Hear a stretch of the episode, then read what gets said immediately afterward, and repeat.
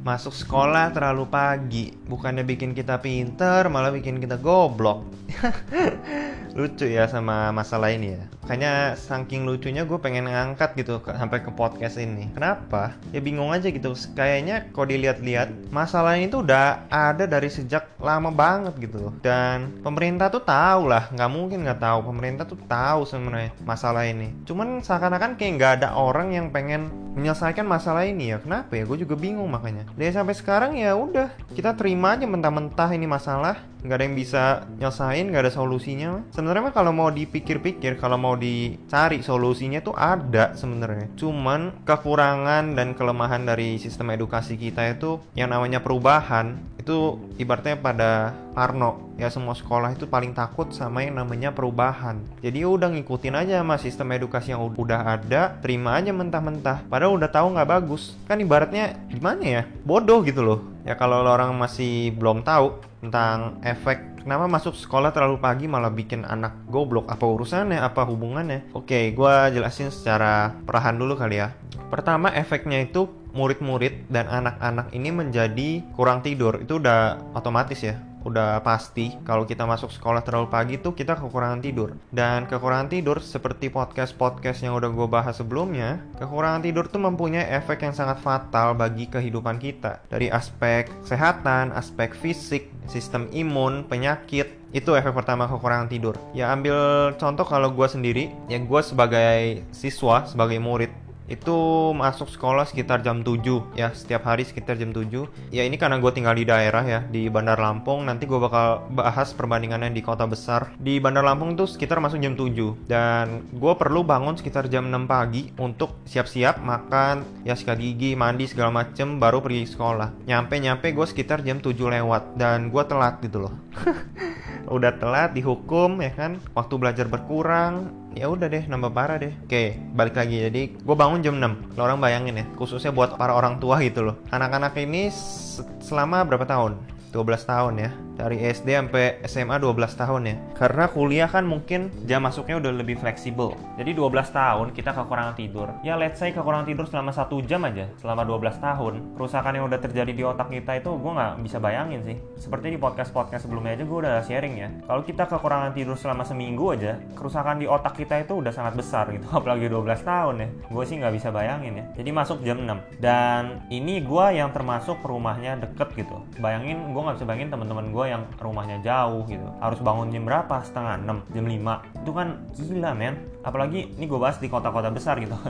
Di Jakarta men yang macet kayak gitu loh. Lo harus bangun jam berapa anak-anaknya? Jam 4 hah? Untuk ngejar masuk sekolah biar nggak telat. Apalagi daerah-daerah kayak Kelapa Gading segala macam yang macet. Lo harus bangun jam berapa men? Makanya sebenarnya anak-anak di kota besar tuh lebih parah loh daripada anak-anak kota daerah. Dan pemerintah itu seakan-akan kayak ya udah tutup mata aja gitu. Tutup mata aja. Itu efek pertama kekurangan tidur. Efeknya langsung ke edukasi kalau anak-anak ini kekurangan tidur otaknya jadi nggak efektif ya kan? Mikir jadi lebih lama kedua jadi kurang kreatif ya jadi lebih kurang kreatif ketiga emosionalnya jadi lebih nggak stabil lebih gampang emosi moody. Anak-anak muda atau murid-murid sekarang kan tuh lebih gampang emosional kan? Moody lebih gampang moody. Ya karena ini dipengaruhi oleh kekurangan tidur. Kalau misalnya para orang tua atau orang-orang dewasa ngomong ya elah jam 6 jam 6 juga biasa gue kerja jam segitu jam 6 gitu. Nggak bisa ngomong begitu sebenarnya. Karena kenapa? Simpelnya kayak gini ya gue jelasin jam biologis anak-anak atau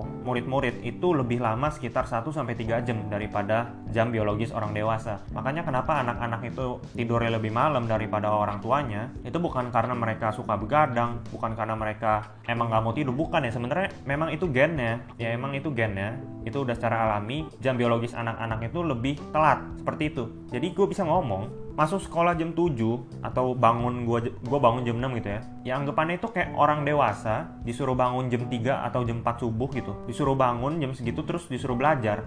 Gimana rasanya coba? Lu bisa jaga mood lu gitu lu bisa fokus belajar subuh-subuh gitu. Sama aja kan nggak bisa kan. Jadi jangan memaksa jangan menyudutkan pihak muridnya gitu loh. Bukan karena muridnya ini nggak mau tidur sebenarnya. Emang nggak bisa tidur udah bio, jam biologisnya seperti itu. Dengan kita bangun terlalu pagi itu pertama yang lebih parahnya lagi kita bangun make jam beker atau alarm clock. Ya mungkin ada beberapa orang yang tidak pakai jam beker ya, tapi rata-rata kan kalau biar nggak telat, kalau nggak mau telat kan kita pakai jam beker. Nah jam beker ini juga mempunyai efek yang sangat fatal bagi kesehatan kita. Pertama, kalau kita bangun pakai jam beker, tekanan jantung kita naik, tekanan darah kita naik. Makanya kalau kita bangun jam, pakai jam beker kayak kaget gitu kan, tubuh kita kayak nggak siap gitu loh. Ibaratnya lagi tidur, lu ditampar uh, sama orang lain gitu, suruh bangun, kan kaget ya. Otak juga kaget. Nah itu nggak bagus buat otak pertama. Jadi lebih gampang lupa, terus lebih emosional sih yang lebih parah itu lebih emosional. Kayak gitu. Jadi lebih parah gitu. Udah kekurangan tidur, terus bangun juga karena pakai beker gitu. Ya udah combo gitu. Oke, itu dari segi siswa. Terus gue mau bahas dari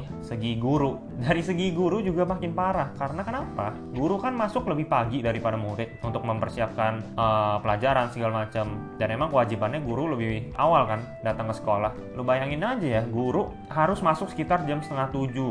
Sekitar setengah tujuh tuh udah harus masuk kalau di sekolah gua. Dan tuh kasihan banget men. Lu bayangin kalau gurunya tuh uh, rumahnya jauh gitu. Pergi naik angkot atau kendaraan umum. Itu harus bangun sekitar jam 5 atau setengah 6 dan ya mereka kekurangan tidur berapa jam kalian bisa bayangin ya kekurangan tidur berapa jam makanya nggak salah atau nggak heran kalau guru-guru ini ketika ngajar itu ngajarnya jadi nggak efektif terus lebih gampang emosional ya nggak usah di nggak usah heran lah ya gue pun ngerasain sendiri gitu loh. Ini guru apa sih gitu kan? Ngajar emosi marah-marah gitu. Padahal nggak ada apa-apa. Ya bukan mau nyalain si gurunya sih tapi emang ya dipaksa sama pihak sekolah gitu. Untuk dia kekurangan tidur ya kalau kekurangan tidur ngajarnya jadi kurang efektif lebih nggak efektif lebih gampang emosional lebih gampang marah. Jadi gurunya itu ya moody banget gitu loh. Nah ini dari pihak guru. Siswa sama guru udah dirugikan. Apalagi jadi untungnya untuk masuk sekolah terlalu pagi itu gue bingung makanya. Itu dari siswa dan guru. Sekarang kita masuk ke aspek atau sisi sekolah. Kalau misalnya kualitas siswa menurun, nilai siswanya jadi lebih jelek, ya kan? Nilai siswanya jadi turun semua. Dari segi guru juga turun semua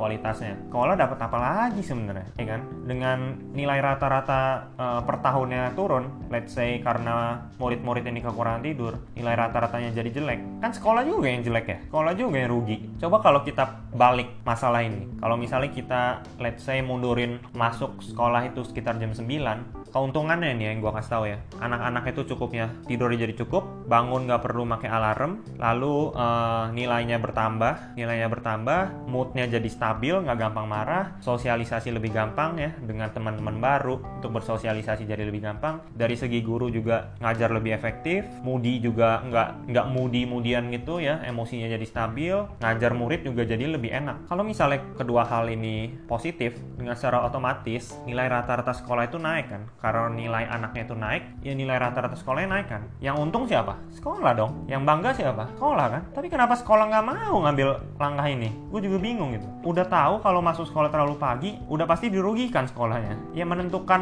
ranking sekolah siapa sih? Murid dan gurunya kan. Yang menentukan prestasi sekolah siapa sih? Murid dan gurunya kan. Nah kalau masuk sekolah terlalu pagi, murid dan gurunya ini dirugikan, ya siapa lagi yang mau menentukan kualitas sekolahnya itu? Bingung nggak sih? Gue bingung kalau mikir sistem edukasi kita bukan ingin menyudutkan juga sih cuman kayak kita ini dipaksa untuk menerima mentah-mentah gitu loh. Kenapa? Kenapa harus begitu? Kenapa nggak ada yang berinisiatif untuk mengambil keputusan yang nggak biasa atau keputusan yang tidak terkenal ini gitu loh? Why? Kenapa para kepala sekolah nggak mau ngambil keputusan ini? Coba ge dipikir-pikir lagi gitu loh. Dan yang sangat tragisnya lagi ya teman-teman. Bukan cuman dari segi kesehatan dari segi masa depan dari segi karir juga terpengaruh karena masuk sekolah terlalu pagi. Udah secara otomatis ge kalau anaknya itu nilainya jadi lebih kurang jadi lebih jelek. Ya nilai rata-rata dia jadi jelek gitu kan. Kesempatan si murid ini untuk masuk ke universitas bagus universitas besar dengan secara otomatis juga berkurang kan. Ya juga masa depan dia berarti bisa terganggu loh karena cuman masuk sekolah terlalu pagi. Kalian bisa pikir deh coba kalau misalnya masuk sekolahnya itu dimundurin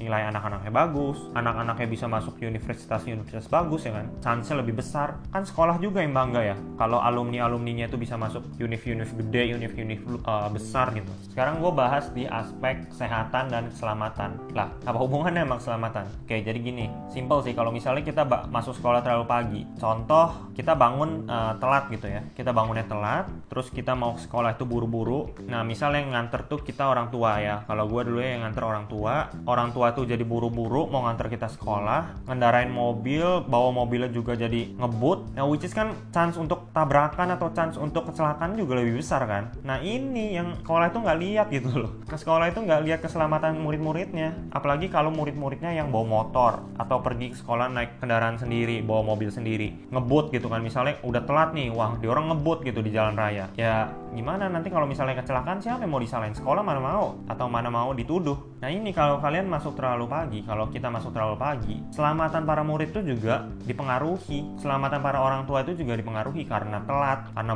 buru-buru segala macem. Dan di Amerika Serikat pun juga banyak kok research tentang ini. Kalau misalnya masuk sekolahnya itu dimundurin persentase kecelakaan dari anak-anak umur 16 tahun sampai 18 tahun itu berkurang sebanyak 20% lebih. Kan gila ya cuman karena ngurangin atau mundurin masuk sekolah bisa ngurangin uh, tingkat kecelakaan atau persentase kecelakaan. Why? Kenapa nggak ada yang mau ngambil putusan ini? Makanya gue nggak heran sih kalau anak-anak sekarang itu atau generasi-generasi yang mendatang anak-anak itu lebih kurang kreatif terus emosinya juga lebih nggak stabil lebih gampang marah segala macem. Ya itu gue nggak nyalain mereka emang. Ya mereka dipaksa oleh sistem edukasi kita yang udah tertetap seperti itu. Kita nggak bisa uh, nyalahin nyalahin per individu muridnya juga sih. Bukan karena sebenarnya bukan karena murid itu goblok tau nggak? Bukan karena muridnya itu bodoh tapi ya karena kekurangan tidur. Jadi otak mereka jadi kurang efektif untuk mencerna hal-hal baru untuk belajar hal-hal baru itu jadi kurang efektif. Ya jadinya jadi kurang pinter gitu loh. IQ-nya juga terpengaruh karena simple ya teman-teman. Gue mau tutup seperti ini. Kenapa anak-anak ini bisa lebih kurang kreatif dan emosinya menjadi lebih nggak stabil? Karena kenapa? Simpelnya seperti ini. Tidur itu ada dua fase fase ya sebenarnya. Fase pertama dan fase kedua. Nah, fase kedua itu atau disebut REM sleep itu yang berhubungan dengan mimpi segala macam. Nah, REM sleep ini yang tugasnya itu meningkatkan kreativitas anak, menstabilkan emosional anak, lalu ningkatin IQ segala macam kreativitas lah. Nah, fase kedua tidur ini terjadi sekitar jam subuh, subuh sampai ke uh, mau kita bangun gitu ya. Jadi terjadinya itu subuh sampai kita bangun lah, jam-jam segitu ya. Bentar banget. Nah, fase kedua tidur ini yang selalu diambil oleh oleh sistem edukasi kita gitu loh. Ini kan kita bangun jam-jam subuh itu, nah itu padahal lagi pembuatan atau lagi meningkatkan kreativitas dan emosional si murid. Dan ini yang diambil dari para murid-murid yang ada di dunia ini, makanya ya nggak heran kalau mereka jadi kurang lebih kreatif, lebih emosional dan lain-lain. So jadi gue pengen bahas seperti itu aja sih topik ini, karena gue concern banget sama masalah ini.